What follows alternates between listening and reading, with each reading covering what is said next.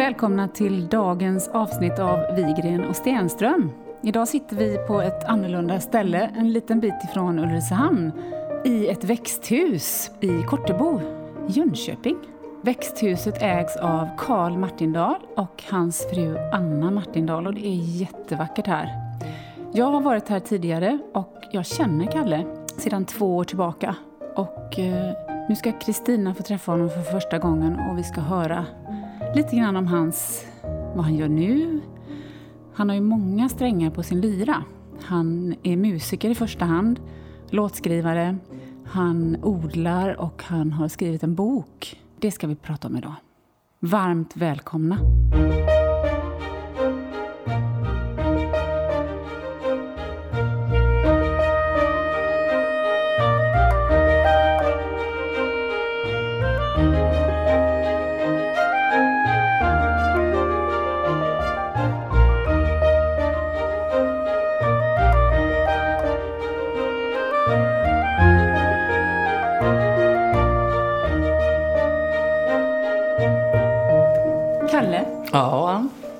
Härligt att se dig igen. Detsamma, det är allt för länge sedan. Jättelänge sedan. Skitcorona. Mm, verkligen skitcorona. Ja.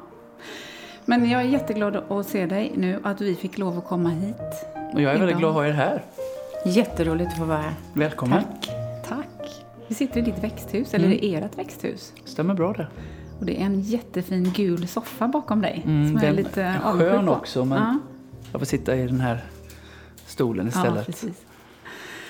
Du, Kalle. Ja, Ehm, jag har tagit med till er. Jag har ett uppslag ur din bok här Mm. med eh, fyra röda tungor. ja, De, ni har lurat barnen lite grann att äta rödbetor där förstår jag. ja. Från, det, den bilden eh, från min bok ska ju symbolisera det som, som vi tyckte var så klokt. Vi ville få våra barn att käka mycket grönt. Och så sa jag till barnen, testa de här rödbetorna. Ska vi se. Ni får jätteröda tungor. Så gjorde vi en tävling om vem som fick rödast tunga. Och eh, de tyckte det var skitkul. Och äter ju rödbetor med god aptit idag. Så det funkar ju. Ja, verkligen. Smart knep. Ja, eller hur? Så vi gjorde en bild på oss fyra med Ja, knallröda tungor. Den är underbar. Så därför har jag tagit med rödbetskaka idag. Och så gott. Eller hur? Men du, Ja. Kalle. Mm. Jag tänkte börja med ehm, att prata om hur... Vi har ju känt varandra i två år, du och jag, Mm. ungefär. Mm. Och hur vi fick kontakt med varandra. Mm. Och då kan jag ju berätta, för det var ju jag som kontaktade dig. Ja, det startade så ja. Ja. Och det var när jag hade haft Kajsa-Stina Åkerström hos oss Mm. i två, två somrar. Just det. Och följde, vi följer varandra. Och jag följer även Peter Kvint, Mm. som du känner också. Mm.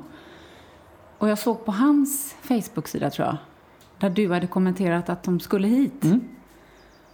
Och eh, han sa, nej men vi löser det, att du ska komma. Mm, Någonting sånt. precis. Och sen så skrev, fyllde Kajsa-Stina i. Och jag har följt din resa. Ja, att hon var så imponerad av din resa. Och då pratade ni, tog ni upp det här boken. Mm. Så då började jag liksom ja, men Vad söka är det här vem, för vem, tjomme? Ja, jag blev så här, vem är det? Mm. Och så hade du precis släppt en eller två låtar då. Ja, Harvest var Moon det? var i alla fall den som jag... Ja, precis. Jag hade släppt... Eh, det var väl min tredje singel från EPn, Mm. Seeds of Gold. Eh, jag släppte alltså fyra singlar som tillsammans blev EPn Seeds of Gold. Mm. Eh, första singeln släppte jag samma dag som boken kom ut så det fanns någon slags synergi där. Mm. Sådär. Mm. Men den hade du i alla fall, det var, var liksom en musikvideo till den som var så himla fin. Jag blev bara, jag bara smälte, jag kände att ja, så det här var bara sjönk in så. Och härligt. Och sen kontaktade jag dig Yes. och frågade om du ville komma och spela hos oss. Ja, jag tror faktiskt att initialt så snackade vi om att jag skulle komma och Och göra någon liten föreläsning musikalisk som jag brukar göra. Precis. Eh, och det var ju kul, vi hade så många gemensamma nämnare och det gick så himla fort tills det kändes som att vi var bästisar. Mm. Eh, så otroligt faktiskt. mycket kärlek Ja, direkt. Ja. Du är, du är som min bror. Åh. Ja, men och du, jag du brukar ju brukar säga det till dig, ja. syster. Ja. Och det är jättefint. ja, det tycker jag med. Och sen hade vi kontakt länge. Vi försökte få till något den hösten, men Mm. så blev det lite stressigt och det blev för sent och det blev så här. Vi sa vi väntar till våren. Yes. Sen åkte jag och Anders till Jönköping Just det, Och så träffades vi på en lunch. Det var våran första, vårt första möte, Mm. ja. Vi träffades på en restaurang som heter Sjön här i, Mm. i Jönköping. Och det var, ju, det var ju så fantastiskt att träffas på riktigt. Jag kommer ihåg, jag var nästan lite pirrig. Men, sen Ja, när, vi men väl, det var jag med. men när vi väl såg så var det så självklart. Ja. Och stora famnen och ja, Mm. fint på alla sätt och vis. Mm. Där skulle du varit med. Ja. Ja, jag förstår det. Och sen började vi i alla fall planera Mm.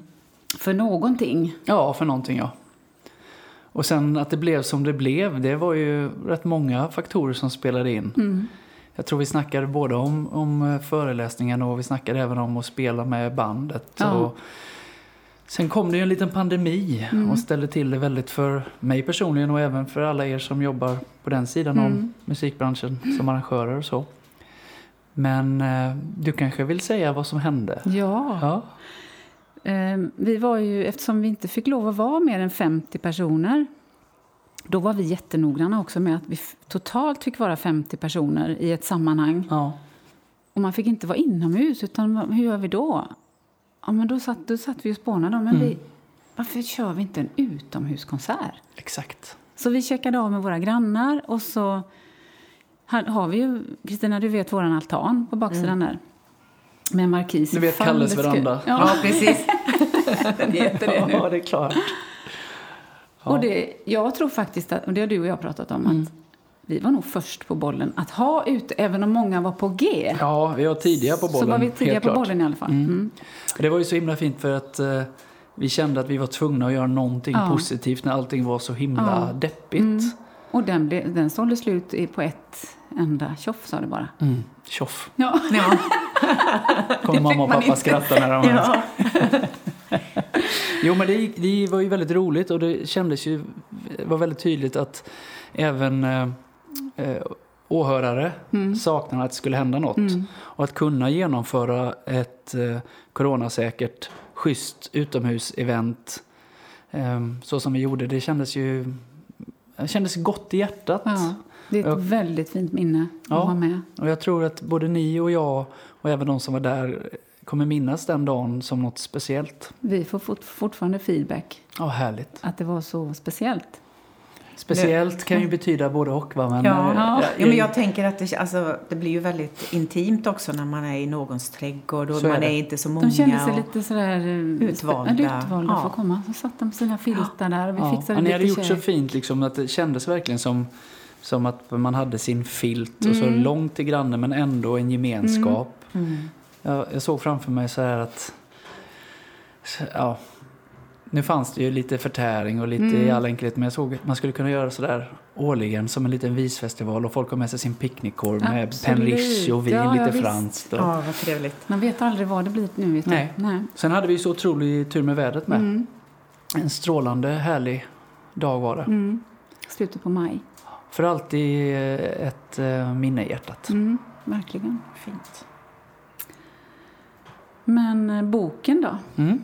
Kristina, du har läst Kalles bok också nu? Ja, jag har inte hunnit läsa klart den. Vad säger du? Nej, jag, jag ber om ursäkt. Nej, det var här- härligt att du bläddrat in i alla fall. Men eh, ja, den är jättetrevlig. Tack ska du ha. Och det jag tyckte var så trevligt är att det är personligt. Mm. Det är härliga bilder, Mm. inspirerande bilder. Och, Och det är ju ehm, Ann som min gemensamma vän Anna Holland som Ja. har tagit nästan alla bilder. Jag har tagit någon själv. ja, Men det har jag förstått. det är hennes bilder över faktiskt flera säsonger. Ja.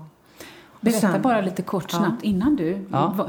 att den inte var påtänkt egentligen när ni började. Nej, alltså Anna och jag har ju känt varandra i många år och och börjat liksom fota saker och ting och det visade sig när väl boken skulle skrivas att vi hade ju förberett för en bok utan att veta om det i ja, ett par säsonger.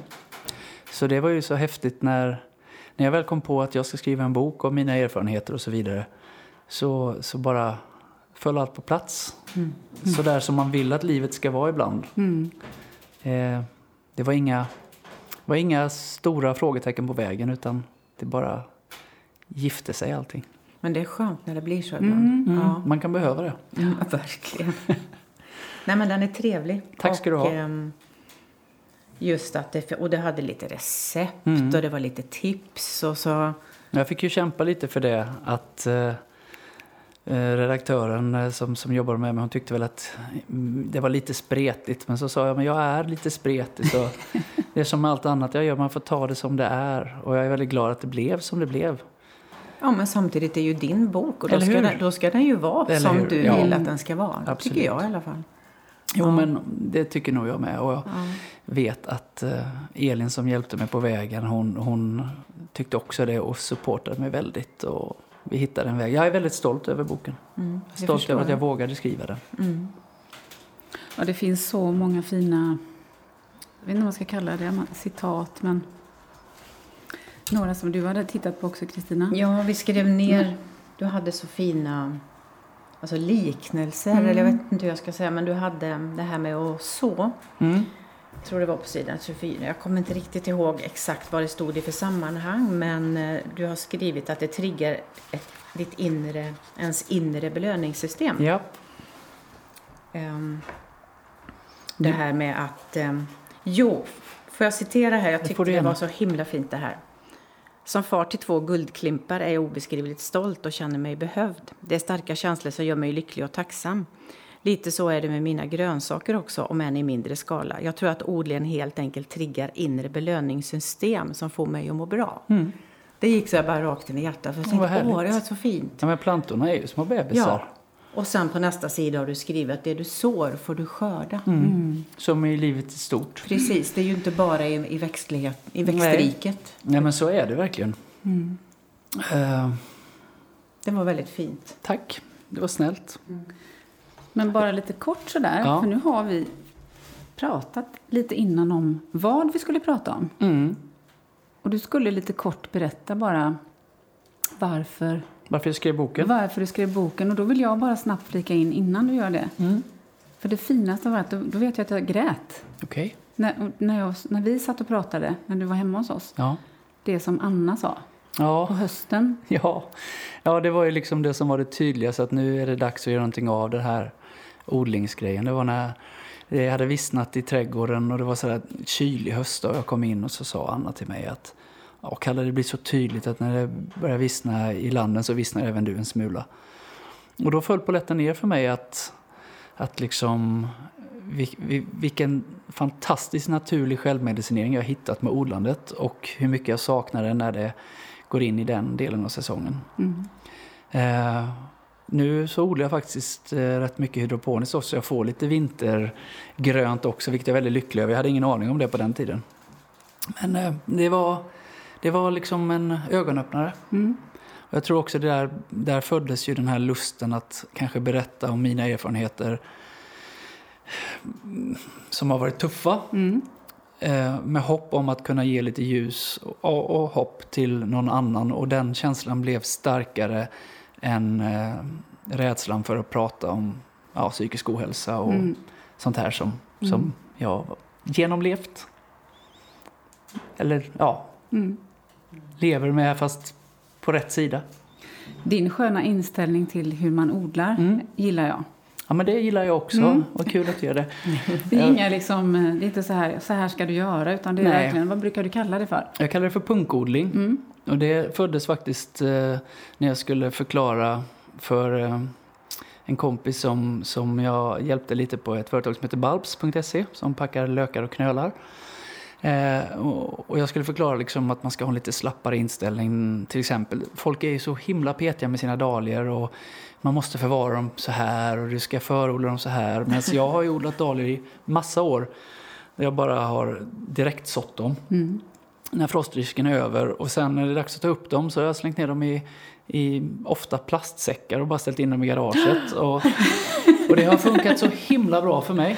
Ja, jag har ju ringt och frågat om råd och hur delar de och då sa du jag sätter en spade Ja, rakt men det har hänt också. Eh, sen, sen så är det ju sådär att de jag är mest rädd om så pysslar jag väl lite extra med. Men mina bruksdahlior de, de får en ganska brysk behandling. Men hur som helst så skulle jag förklara hur jag ser på det. Då sa jag, men alltså man måste ha en lite punkare inställning till, till odling överlag. Och man be, behöver liksom inte vara virtuos på sitt instrument för att starta ett band och komma igång. Utan eh, bra kan man bli på vägen. Man får testa sig fram lite och ha liksom en inställning att ibland blir det skitbra, ibland går det åt helsike, men det är okej. Okay. Och okay. även hos de bästa trädgårdsmästarna är det ju så. Ja, jag tror, jag tror liksom att alla som håller på med odling lär sig väldigt mycket allt eftersom. Och det är ofta misstagen som gör att man liksom kommer på någonting mm. super. Sådär. Mm. Mm. Ja, men det, ja, men det, ja, men det är skönt det här liksom att, att kunna göra. För jag kan, också, jag kan gå till mig själv lite det här att mm. man är du lite tveksam när du ska göra något nytt mm. så vill du gärna läsa på ja. eller fråga någon som kan. Exakt. För att då vet jag att det mm. kan bli rätt då. Yes. Men det är ju rätt befriande att bara kunna bestämma att Nej, men jag gör så här så ser jag vad som händer. Ja, men i mitt fall så började det så att jag hade ju ingen kunskap om odling. Och det var en slump att jag eh, ens började fundera på det. Men jag satte bara igång och jag visste att jag ville odla något som gick att äta. Och i och med att det var det som var min grundinställning, jag ska bara få fram någon form av mat och så får vi se vad som händer. Så, så satte jag igång direkt eh, att learning by doing, så att säga. Och jag tror att det är receptet på, på liksom att bli biten och känna sig liksom glad över det. Det får inte bli en press och en stress. Mm. Och jag känner idag folk Folk googlar ihjäl sig och är mm, så mm. om sig och kring sig.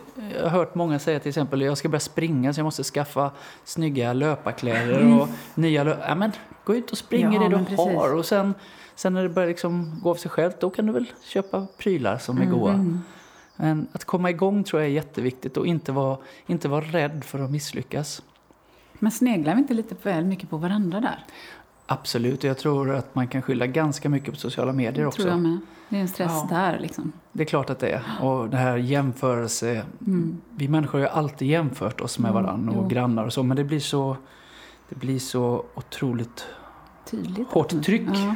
på mm. informationen. Mm. Och det är nog lätt att gå vilse där om man inte om man är en person som kanske vacklar lite hit och dit. Mm. Så. Men jag tror att du blir alltså, omedvetet väldigt påverkad av sociala medier. Absolut. Även om jag inte tror att mm. jag... För du, du tar in så mycket fast Absolut. du inte fastnar så mm. djupt i allt kanske. Så det fastnar ändå mm. liksom. Och det skriver jag faktiskt också i boken att vi lever med ett otroligt eh, stort in, informationsflöde idag mm. från, från framförallt sociala medier och, och nyheter och sådär. Och odlingen blev för mig då ett andningshål i det här. Och det är det jag önskar att alla ska upptäcka, att det, det, är någonting som man gör egentligen för sig, för sin familj. Inte för att det ska vara snyggt på nätet om du förstår vad jag menar. Ja. Sen så försöker jag ju lägga ut jättefina bilder på min odling ja, också, ja, såklart. Men, men att jag tror att man får inte ut maximal glädje och lust om man eh, försöker få till den perfekta Dahlia-rabatten som är populär kulör på Instagram just nu. Nej. Jag Nej. tror att då går man vilse. Mm. Sådär. För det var ju en sak vi också hade skrivit ner här som du hade skrivit i boken just att det är viktigt att känna lust. Ja, mm. absolut. Och så skrev du en sak som jag kände var jätte... Jag kände mig lite träffad. Man måste ha lite tålamod mm. har du skrivit. Ja. För det kan jag känna ja. att jag inte alltid har. Nej, och det är ju också väldigt, tror jag, tiden vi lever i. Eh, vi har inte samma tålamod som man hade förr. Nej. Eh, och jag tror att vi behöver ge oss själva ja, lite ro och lite... Alltså jag skriver också att man ska ha lite tråkigt ibland. Jag tror att det föds väldigt mycket kreativt ur det. Och det går lite hand i hand. Tål, tålmodighet ja, och att inte hela tiden vara på väg till nästa kick. Se bara på tiden vi har levt nu. Mm. Vad mycket ja, ja, man kommer på att man kan göra istället. Ja, det finns ju faktiskt ett gäng positiva effekter av pandemin också. Ja, men det får man ju lov att säga. Eller vad man inte behöver göra. Ja, exakt. Mm. Det är ju också en grej som jag tror att vi är många som har kommit på. Liksom. Mm. Men det är också häftigt att se att eh, exempelvis eh, kulturbranschen har ju gått käpprätt åt helsike under mm. den här mm. pandemin på många mm. sätt. Mm. Men äh, trädgårdsbranschen har ju pikat något kopiöst. Och jag blir så glad för nu har folk fått tid för att göra sånt som de kanske gått och tänkt på. Att påta i sin trädgård och pyssla mm. och dona. Och jag ser ju ingenting som är det minsta negativt med att fler upptäcker eh, odling och eh, hur välgörande det är att pyssla med det. Mm. Så det är ju positivt med. Verkligen.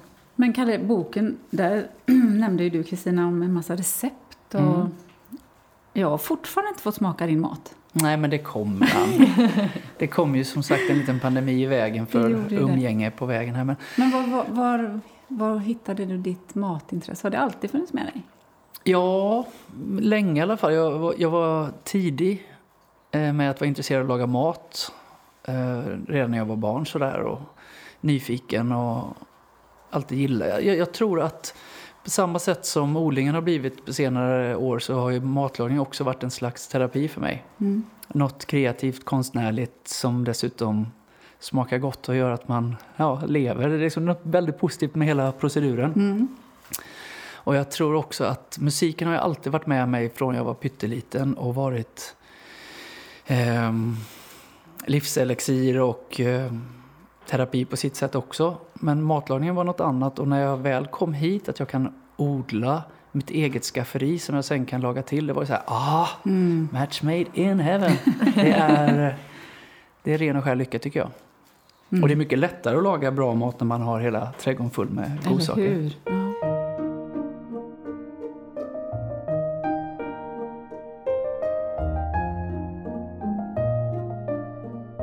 Kalle, Ja. när jag var hos dig förra året Mm. så hade du öppet en gårdsbutik eller en eh, liten trä- trädgårdshandel. Mm, precis. Ja. Ja. men det, det var ju ytterligare en sak som, som man kan säga var positivt med pandemin för oss. Att vi fick tid att ta tag i lite sånt som man kanske har fantiserat om och sådär. Och vi bestämde oss hela familjen att eh, ja, men vi fräschar upp garaget lite och så leker vi affär och har lite gårdsbutik. Och ett av de första projekten jag gjorde när jag insåg att det inte blir så mycket spelningar och så, det var att anlägga det jag kallar för dahliafältet. Att verkligen öka på min dahliaodling. Så jag punkodlade drygt 200 knölar bakom huset i en eh, väldigt stor rabatt får vi kalla det. Men, men målbilden var ett, ett riktigt dahliafält som man ser från Holland och sådär. Det blev eh, över förväntan. Mm. Superhärligt. Och så hade vi lite självplock där. Mm.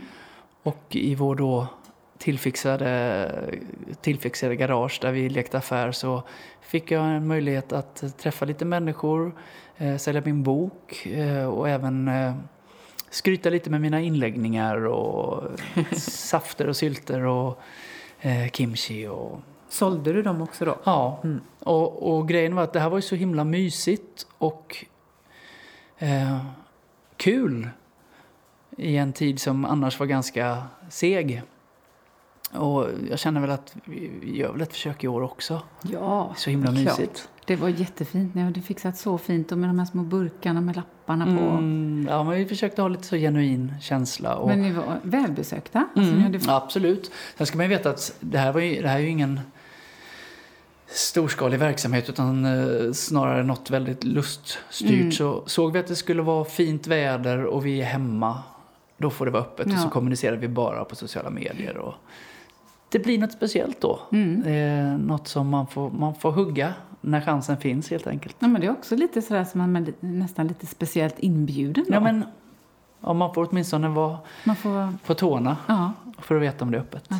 Och det var ju som när, det var också när jag satt de här dahliorna så gick jag ju bananas på odling. Jag ökade ju min odling med väldigt många procent. Och då insåg man ju att det här äter inte vi upp själva. Så det är fint om det kan få hem, hamna hos någon annan. Mm. Riktigt schysst ekologiskt odlade grönsaker och Mm. sådär. Så här, goodwill feeling. Ja, underbart. verkligen. Ja. Härligt. Ja. Men vi får ju besöka den i sommar igen. Ja, det hade varit kul. Mm. Ta en liten tur till Dahliafältet. Det Precis. låter Ja, härligt. precis. Ja. Som syns ända från Holland. Ja, precis. Syns ända från Det lät månen. nästan så innan, men jag Ja. förstod vad du menar. Ja. Men är det, det är bara där, eller bara på den, är det dahliafältet bakom huset där? Eller har ni här? Som jag gjorde Jag dahlia. minns inte, men hade inte du här nere också? Förra året, ja men jag sätter ju dahlia lite överallt Ja, för jag älskar det. ju dahlian. Ja. Jag tycker den är så ljuvligt, ljuvligt vacker och sen så älskar jag det här med att ju mer snittblommor du tar och sätter in och förgyller ditt hus desto fler får du Mm. ett bra år då. Så att det, det är en det är en kärlek helt enkelt.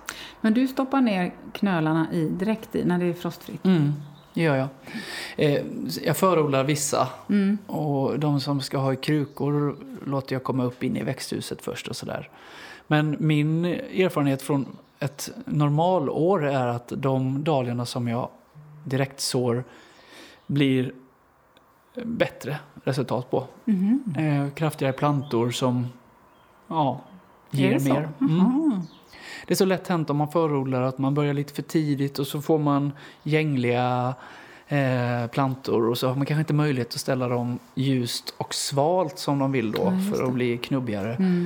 Mm. Så, nej, jag kan tycka att det kan bli lite för mycket pill med det. Och Mm. då försvinner ju hela det här tänket som jag har att det ska vara lustfyllt och nästan lite lättjefullt med odlingen. Det ska inte vara ett krav eh, och en stress.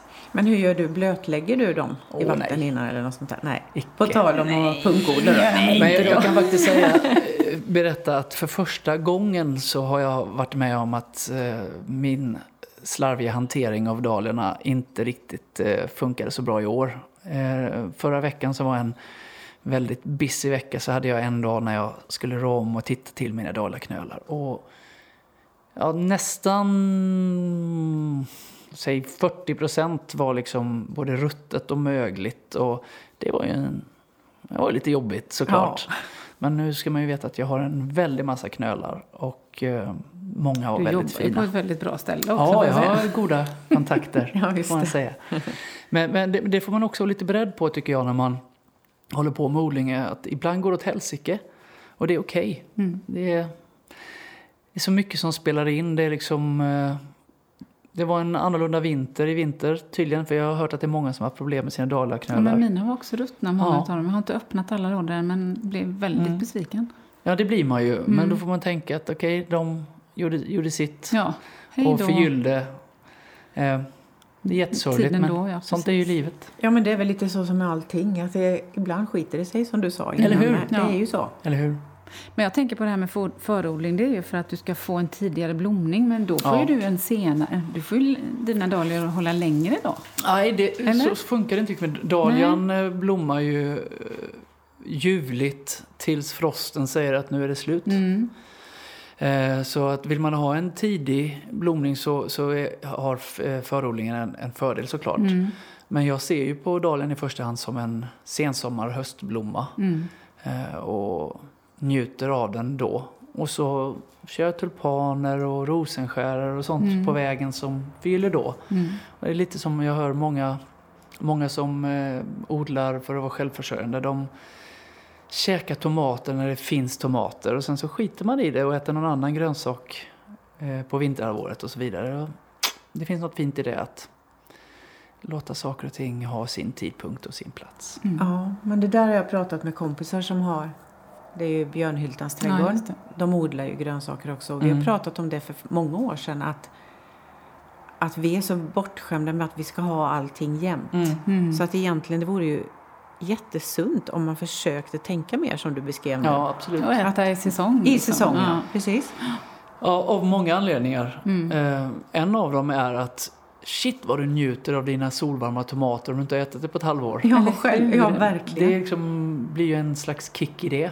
Ja, men det här med hönor, alltså de lägger ju inte ägg hela tiden. De Nej. har ju någon sån, här- och egentligen är det ju inte naturligt att det ska finnas ägg hela tiden heller.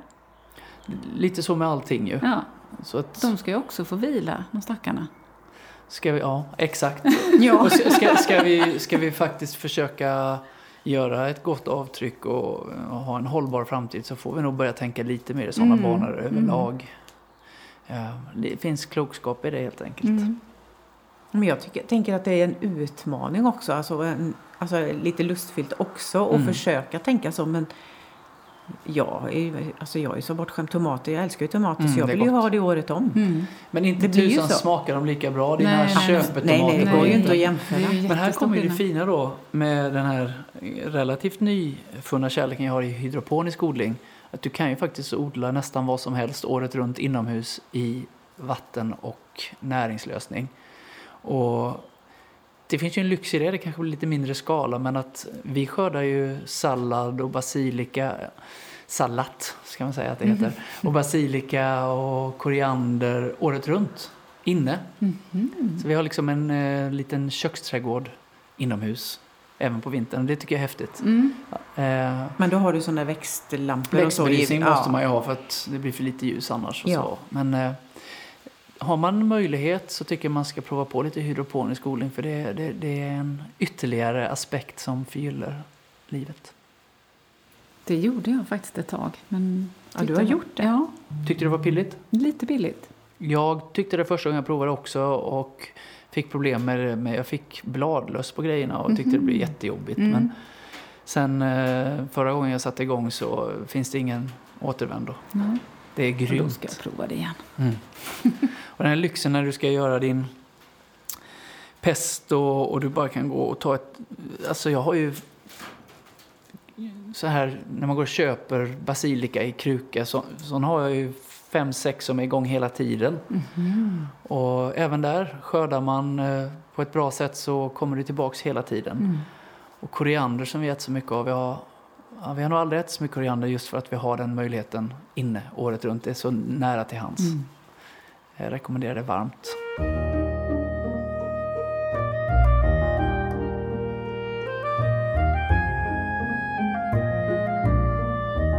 Att laga mat, det är ju lite... För mig är det något som jag är passionerad över. Och kommer nog alltid vara. Men det är den delen av mig som verkligen är eh, levnadsglad och livsnjutare. Jag älskar det här med goda viner och schysst käk och allt det där. Gott liv helt enkelt. Mm. Vem gör inte det? Eller hur? Precis. Och sen tycker jag också det är viktigt det här vi försöker, man försöker vara så hälsosam man kan och sådär men Mm. ibland måste man ju bara unna sig en Eller- riktigt ja. god hemslagen bea. Mm.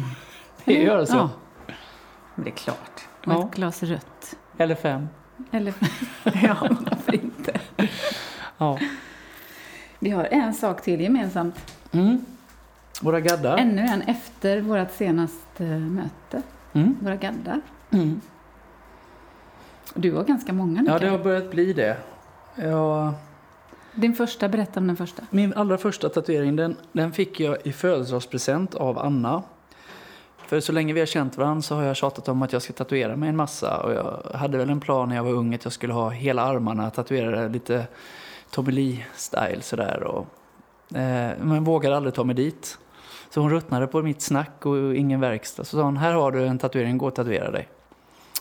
Och då gjorde jag det. Och då tänkte jag efter väldigt noga, vad vill jag, skri- vad vill jag ha för alltid på min hud? Och då var det självklart att jag vill ha mina barn, så deras namn. Och så hade jag hittat ett eh, foto från när min dotter var liten och vi lekte pirater. Då hade jag målat eh, såna här ankare i tusch på underarmarna på mig och henne. Och hade tagit kort på, på det och förstorade upp det ankaret och tyckte åh, det ser så krokigt ut och det vill jag ha. Så när jag kom dit och visade upp eh, det här ankaret så sa tatueraren så här, det finns jättesnygga ankare, vill du kolla? Så här, Nej, jag vill ha det här. Och det gjorde jag för att ankaret eh, kom jag på ville, att jag ville att det skulle symbolisera att jag vill vara en trygg punkt för mina barn, ett ankare liksom. Inte som håller fast dem, men som håller det stadigt. Mm.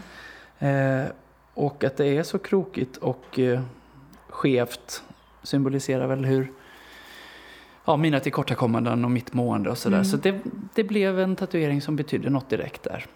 Och sen när jag hade gjort den så var jag ju fast kände jag att det här kommer jag att göra igen. Jag Du bokade var, en tid direkt liksom. Ja, i stort sett. Eh, jag tyckte det var skönt att tatuera mig. Det var väldigt behagligt tyckte jag. Så nästa gång jag kom dit så hade jag ingen aning vad jag skulle göra. Så vi satt oss och kollade efter motiv tillsammans, jag tatueraren. Och till slut så bara, äh, den tar vi, det blir bra. Vilken Ja. blev det då? Det blev mitt, eh, mitt allseende öga. Som, eh, ja... Ja, jag tycker inte den är skitsnygg, men den sitter där och den betyder något för mig också. Den betyder för mig att hur tufft det än är så finns det någonting som ser mig något gott.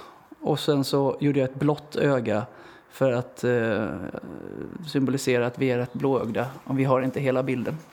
Sådär. Mhm. Efterkonstruktion, men... Ja. Men det lät väldigt Eller bra. alltså. eller hur? Ja. Men jag, ser, jag vet en annan som ni har gjort, som Anna också har. ja, Var den innan barnen kom? Nej. Nej, det, Det var, är det är barnen efter- ja. där också. Det är Stella, vår Mm, stjärna då, såklart. Och eh, Fyrklöven för Lennon som är vår mirakelpojk. Som vi inte visste om vi skulle kunna få och så fick vi det. Mm. Vill du berätta om det nu? Ja, så det, Eller ska vi skippa det, det då? går att läsa om i boken. Då gör, då, Nej, men ja. Du får bestämma. Nej, men vi har två friska barn och vi är väldigt tacksamma för det och väldigt Bra. lyckliga. Vi är här och nu. Mm. Mm, det var så vi sa idag. Det var så vi sa, Mm. ja.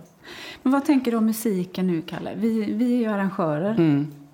på Hermans lada och Mm. vet ingenting.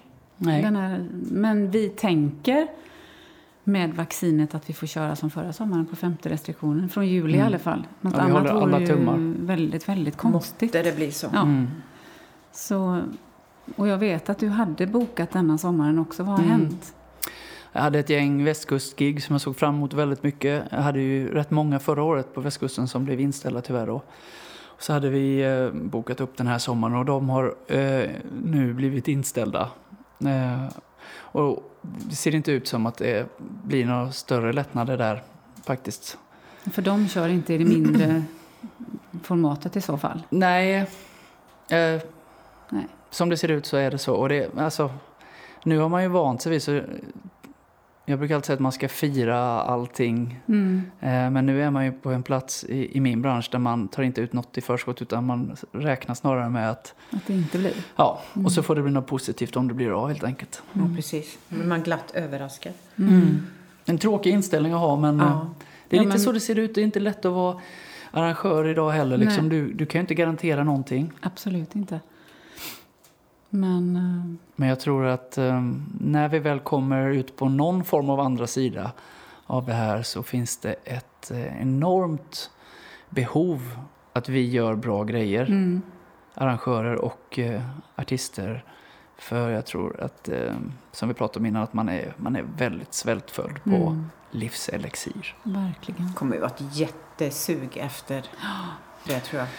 Frågan är hur vi människor har påverkats av det här. Vågar vi sitta i grupp och, Ja, och upps, vad heter det? Vara liksom avslappnade? Eller kommer folk sitta på sin kant med handsprit? I, jag Ja, vet frågan inte. är hur djupt det sitter i vår, vårt undermedvetna nu. Och Mm. det har vi också pratat om. Normalt sett så har vi släppt biljetter för länge sedan. Mm. Så vi kan ju inte vänta hur länge som helst heller. Nej, 3 maj pratar de om ett nytt beslut och efter det så får man nästan bara bestämma sig för. Ja, vi får se helt Ja. enkelt. Jag hoppas att det kommer en dag när vi kan kramas och dansa på bordet och Mm. bara njuta igen. Och jag måste tro att det blir så också. Men vad gör du istället? Försöker du ändå att komponera lite nytt? Eller har du Absolut. någonting som ligger i pipen? Mm, jag har rätt mycket både färdiga och halvfärdiga låtar. Men jag ska vara helt ärlig så har linan, som jag brukar säga att jag är uppkopplad på när låtar strömmar ur mig, har inte varit sådär jättetydlig. Eh, det har varit en deppig tid tycker jag. Mm. Just där när, när man inte får vara ute och pyssla med sitt yrke. Då tappar man lite sugen. Lite så. Mm. Och dessutom något som man inte tänker på kanske alltid när- när saker och ting är som vanligt är att man får väldigt mycket intryck av att bara vara ute och träffa människor. Mm. Och minsta lilla bagatell i ett möte kan leda till en storslagen låt. Mm. Jag har knappt haft några intryck eh, på väldigt länge, mer än från familjen och liksom från Netflix-serier. Och, Ja, just det. Ja, gud. Hur Nej, men många det- serier har man plöjt nu ungefär? Nej, precis. Det jag däremot upptäckte var en, en eh, ganska bra grej för att få igång hjärnan och själen och börja tänka kreativt. Det är faktiskt att lyssna på poddar. Mm. Gärna att lyssna på poddar när de tar upp ämnen som, som gör att man hajar till. Mm. Så det, det började jag med och efter det så känner jag väl att det har börjat bli lite mer input i alla fall. Mm. Och sen har jag haft den stora ynnesten att få konsulta lite och hjälpa mina vänner på Bulbs även i år. Och bara det att kunna träffa människor som inte är den innersta kretsen några timmar och ta en fikarast och snacka lite skit, det kan vara rätt förlösande. Ja, det är klart. Men du är inte sugen på att skriva en ny bok? Jo, väldigt sugen och det, det är någonting som ligger och marinerar. Mm. Eh, och jag kommer inte lova något att när det ska bli av eller så, men, men jag, jag kan nästan lova att... Nej, jag ska inte lova Nej, något. lova inte. Men eh, planen finns. Och så fort lusten är lika stark som, som önskan att få den där boken skriven så kommer jag att göra det. Mm. Kanske. Plötsligt hände det. Jo, men det är ju så. Man, Den måste inte ha en uppföljare, men det skulle vara Nej, jättefint att, att få... ja, precis. Tack. Ja. Men jag skulle vilja säga att kreativitet, eh, det finns så många olika sätt på det. Men jag lyssnade på er podd när ni pratar med, jag tappade namnet. Johanna Wischers, Ja, hon pratar om eh, MS. MS och eh, hur, hur sjukdomen kommer i skov. Och jag skulle säga för mig så kommer kreativiteten i, i skov. Mm. Eh, Om ni förstår vad jag menar. Mm. Eh, sen så kan man ju alltid tvinga fram saker och sådär men bäst blir det ju när det är någonting som, som, som inte går att förklara riktigt varför det sker. Och så var det när jag skulle skriva Den goda skörden. Kreativiteten bara fanns där. Lusten var så stark att sätta ord på saker och ting. Mm. Och när jag väl... För då ska man säga att under en ganska lång period eh, fram till den boken skrevs så, så brottades jag med mående som, som var tufft och hamnade någonstans där jag inte kunde skriva klart en låt alls. Jag hade många idéer, många uppslag till låtar men jag vet inte, det var som jag satte... Jag var min värsta fiende själv och satte liksom stopp innan jag fick chansen att gå i mål. Och det var ju väldigt dränerande och segt. Men när jag började skriva den boken så helt plötsligt så kom låtarna till mig igen och flödade verkligen. Eh, jag försökte förklara det någon gång att det kändes som att jag satte mig ner och så fanns det en låt. Kanske inte hela texten men åtminstone ett väldigt tydligt uppslag och kanske inte hela melodin men en väldigt tydlig tanke. Och det bara, ja som ett rinnande vatten rann ur mig. Och då blir det nästan så här en liten överjordisk upplevelse. Man tänker att wow, vad är det här för gåva? Hur kommer det här till mig liksom? Ehm, och det är väl egentligen det som jag alltid letar efter, den typen av... Ja. Att det ska vara självklart att just den där visan eller den där texten ska få finnas. Mm. Men tänk om Flummigt? inte, nej, det är inte alls flummigt för jag känner igen mig i den där kreativa. Mm. Och du och jag har väl lite grann samma med det här med högkänslighet också. Ja, absolut. Ja. Det har vi pratat om en del. och Precis. Det är en svår tid att finnas till när man är högsensitiv. Mm. Det är det. Men vi gör vårt bästa. Ja. Men du, Mm. du har faktiskt lovat att spela en av dina låtar. Ja, det har jag ju gjort. Kan du inte göra det nu? Jo, absolut. Ska jag spela låten som fick dig att... Ja, och falla pladask. Oh. Ja, just det. Det är klart det ska. Se om jag, jag har inte spelat Nej, gitarr på så länge, se om det sitter. Ja. The apple trees. Standing steady in the garden. Through the seasons reminding me That I will stand the test of time. And it's been a while Since my inner light was glowing mind's been clouded, but come morning sky. There's so much more out there worth knowing. Somehow through this pain, I'll be growing. So I let it grow, blossom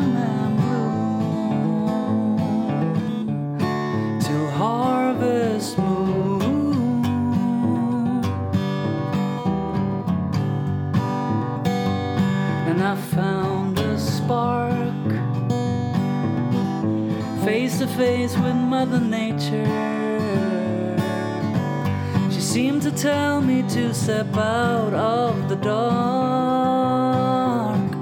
And through the air, her words were flowing. It'll take some time, but go ahead and start growing. So I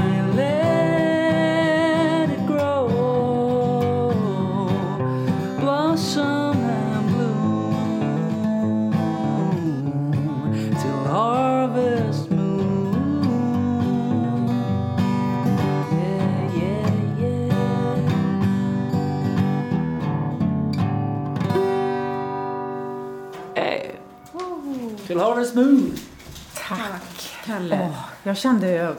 Tack snälla. Vad kul det var att spela för Ja. publik. Ja, Vad kul det måste var att få vara publik. Tack. Ja, men vilken känsla det var att få vara publik. Ja, men visst. Vi saknar ju det här. Ja. Oerhört. Så är det. Men eh, det, Någonting tack som vi har tagit för givet känns det som. lite så. Lite så. Att det bara ska finnas där. Men det är väl en humla. Ja. Vilket härligt vårtecken. Eller hur? Snälla flyg ut, för här inne så Ja. kan det bli lite för varmt för dig. Lille vännen. Ja, nej, men Ja. den här låten, det är så roligt att den blev starten för oss. För det här lå- låten var den sista jag skrev till den här EPn, Seeds of Gold. Mm. Eh, som en sluttamp eh, som knöt ihop boken och musiken. Jag hade länge gått och känt att jag vill skriva en, en sång, en hyllning till Moder Natur. Mm. Som, som jag brukar säga mer eller mindre räddar livet på mig. Och, alltså Moder Natur har kommit och blivit så stort för mig. Från, från första fröet och potatisen i pallkragen till skogspromenaderna till hippien som jag ändå har blivit på något vis. Eh, så Ja, hur ska man förklara det? Det blev väldigt stort för mig. Moder Natur är där och är en varm, omhuldande superkraft av eh, feminin kärlek eh, som drabbade mig. Och jag ville skriva en hyllning till henne då. Mm. Och plötsligt så fanns den här sången bara där och knöt ihop allting. Och ja, blev en slags prick över i-et. Ja, Och det var så fint. fint. Jag såg framför mig när du satt på vår altan, för det var så att äppelträden stod i blom då. ja De blommar ju vartannat år hos oss. Alltså, Alltså, det varannat år. Ja, i alla fall en- ett par stycken av dem. ja, Och då stod de i full blom. ja, det är så vackert. Och bara, Och när det blåser till lite så blir det som ett konfettihav Ja. av vitt och rosa. Mm. det är så det är ljuvligt. Och äppelträden har ju faktiskt, de kom ju med i den här texten för att jag har en sån personlig relation till äppelträden mm. eh, som, som växer här på vår gård. Mm. Som en gång i tiden när vi flyttade hit funderade vi över om vi skulle såga ner allihop och ha mer gräsmatta. Mm. Och så beslöt Phew. vi oss för att... Ja, men jag hade ju inget, Nej. eh, jag hade inget intresse för trädgård eller odling eller något sånt vid den här tidpunkten. Och så beslöt vi oss för att låta dem stå kvar för att se vad det var. Mm. Och jag är så otroligt glad att vi gjorde det. Och ni har ett päronträd också. Ja, flera. Flera päronträd. Flera äpple och päronträd som, som gemensamt eh, är ett arv här där vi bor. Det var nästan varenda trädgård är en gammal fruktträdgård Mm. från, från långt tillbaka. Så jag är så lycklig att få leva med det och i det. Speciellt när ni mustar. Ja. Ni mustar ihop dem också. Jajamän. Ja. Det lät som en riktig Jönköpingsbo. Jajamän. Jajamän. du. Jajamän. Nej men eh, vi, vi mustar varje år och i år var det ju, vi hade ett kanon, eller förra året då, hade ett kanon äppel och päronår. Så jag mustade en 300-400 kilo äpplen Oj. ungefär. Men den jag precis drack skulle här säga nu, det. är det, Det- en blandning? Det är en blandning av äpple och päron. Den är så Eh. god. Väldigt, väldigt god. Vad härligt, och den smakar ju inte... Det var tur jag inte tog med min och jämförde.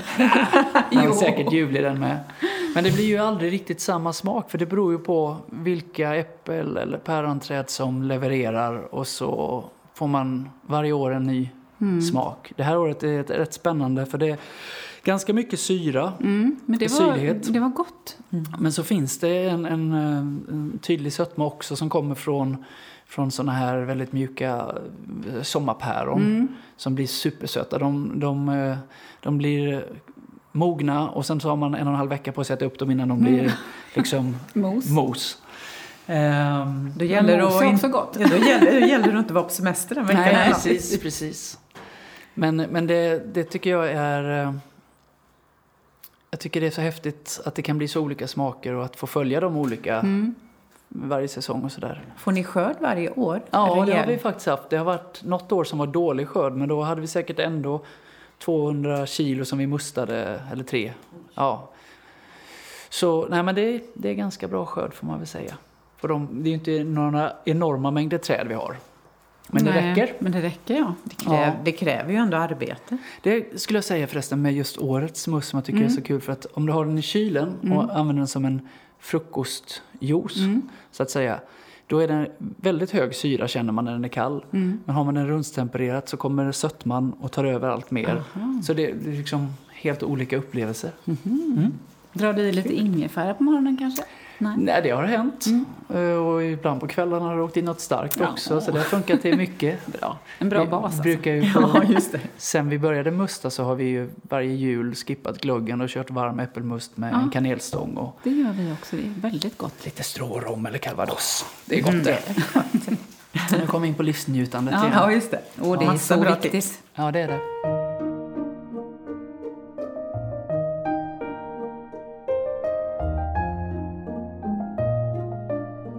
Kom på en fråga när jag satt ja. och tittade på alla dina plantor här. Och när ja. jag var inne i köket innan så var det precis fullt mm. med småplantor. Är det någonting som du känner, det här är det roligaste, alltså det favoriten, att allt, det här måste jag alltid ha när jag odlar eller mm. som du odlar mest av, eller, förstår du? Ja, men jag, jag, odlar ju ofta sånt som jag tycker är väldigt gott själv och som jag dessutom tycker är kul att pyssla med och göra något mer av. För det, det en, har blivit en stor grej för mig att odla eh, färska grönsaker för att käka såklart, men även att kunna eh, förädla och förvara och eh, äta senare. Mm. Eh, inläggningar och jag syrar mycket, jag surkål och kimchi och, och sånt där. Så jag odlar ju mycket sånt som jag kan göra mer grejer av. Okay. Eh, kål odlar jag nästan ja, de flesta sorter jag kan komma på. Jag tycker det är jättekul. Det är ganska jobbigt med kål för att kolfjärilslarverna är så mm. Ja. Ja, om inte sniglarna tar dem så kommer kolfjärilslarverna. Ja, så det, man har fått lite nya fiender som man börjar odla helt klart. Ja, just det. Men sen så odlar jag mycket chili för jag tycker det är jättegott och jätteroligt med chili. Jag älskar att göra heta chilisåser och chilisalt och ha små tävlingar vem som kan äta starkast chili och ja, sådär. tycker jag är kul. Ja. det är en, en, den lilla manligheten i mig jag tycker det är kul när saker är starkt. Att man ska vara uthållig på det viset. Okay. Det är så larvigt. Men eh, sen så tomater älskar vi, äter mycket av. Så då odlar jag mycket tomat. Och så gärna så många olika sorter som möjligt. Du har ju ett stort växthus. Ja. Så att det får ju plats en del.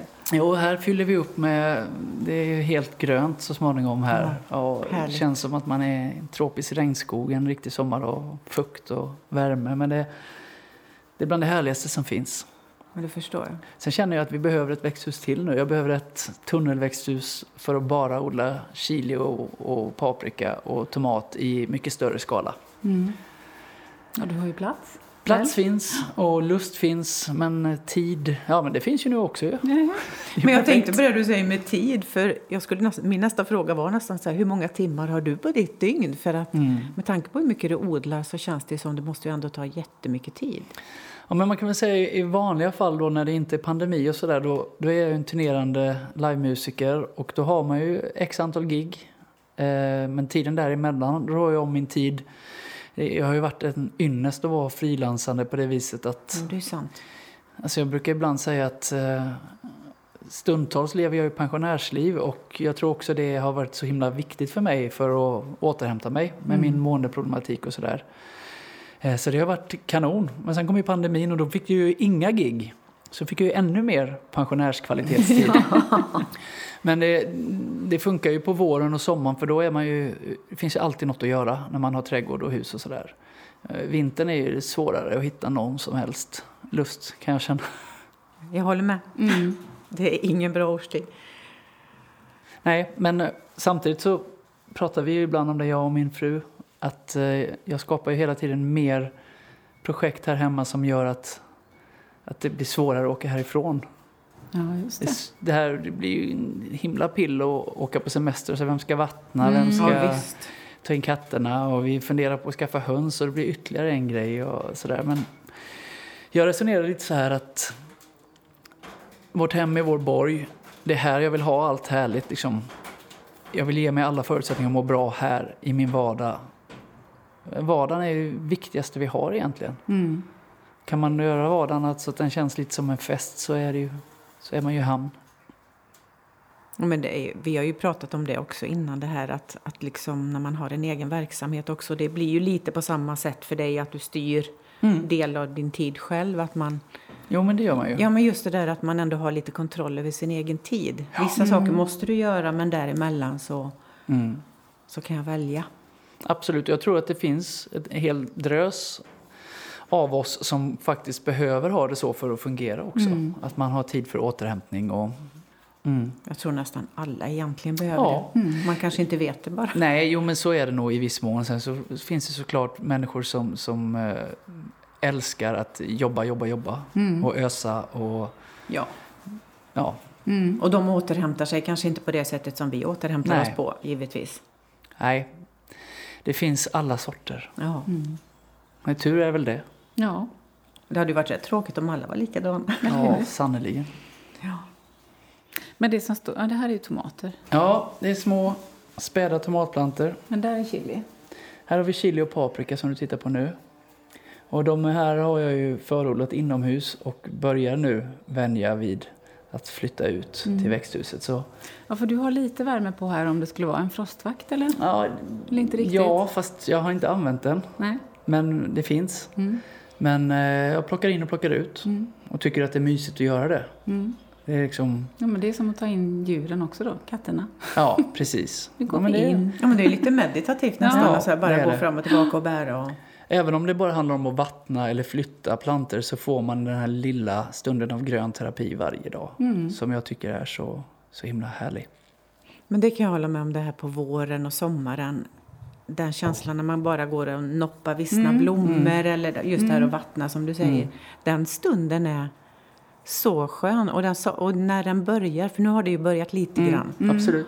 Och den känslan är så god att, ja visst, ja, det är ju därför jag tycker så mycket om den här tiden. Det Ja, kommer, men vi känner satt jag ju- varje år. poddade igår du och jag. Ja. Och när du hade åkt hem där så var det så... ja, Det är verkligen här, åh, det är ljus- ljust fortfarande. Och man kan gå runt lite i trädgården och kika. Och, Så mysigt. Men det händer ju något med oss, de flesta av oss på våren efter ett tag. Eh, hela djurriket bara exploderar och det är ny, ungar som på gång överallt. Ja, Och jag tror att vi... Glassbilen. Ja, Ja, ja, men ja men precis. Nej, men även vi människor blir väl lite pigga på livet och känner brunsten i oss eller vad det Ja. heter. Nej men det, det händer någonting. Folk börjar hälsa på varandra igen. Och, Jag tycker våren är förväntans tid på ja, så är det för mig Ja. också. Ja, verkligen. Ja, lusten väcks Ja. helt enkelt. Det Ja. en sammanfattning som heter duga. Verkligen. Eh, ja, men det är ju inte konstigt att vi fungerar så när allting börjar knoppas och man ser ju att livet spirar. Det är klart att vi också reagerar. Ja, Ja, verkligen. jag tycker det var en väldigt fin avslutning på Ja, den här det kände jag stunden. med. Så här jag hade kunnat prata flera timmar. Ja. Så mysigt att ha er här. Det är jättehärligt att vara Ja, här. verkligen så mysigt. Och just den här värmen som är här inne, det var ju så här, åh. Men nu är vi på utlandssemester nästan. Ja. men det känns ju så, för innan vi startade så var det ju hagelskur här. Så då Nu ser ju inte ni som annat. lyssnar, men vi sitter ju här i badbyxor och bikini. Ja. Ja. Oj, vad mycket bilder alla fick i huvudet ja, nu. ja, det får vi bjuda på. Kalle, Ja, Ann. tack för att vi fick komma till dig. Tack så hemskt mycket för att ni ville komma. Det var jättetrevligt. Ja, tack så jättemycket. Det var så fint. Vi kan ju kanske komma tillbaka till hösten. Eller så. Supervälkomna. När det börjar vissna i landen så ska ni få en riktigt vissen Kalle också. Det blir perfekt. Då tar vi någon sån här lite bubbel till. Ja, det gör vi. Det gör vi. Då tar vi must med någonting i. Ja, det gör Ja. vi helt klart. Tack så mycket för att ni har lyssnat. Ja, tack ska ni ha. Hej då. Hej! Dagens avsnitt sponsrades av Hermans Lada konsert och gårdsbutik och hemma på Källebacka gårdsbutik och café.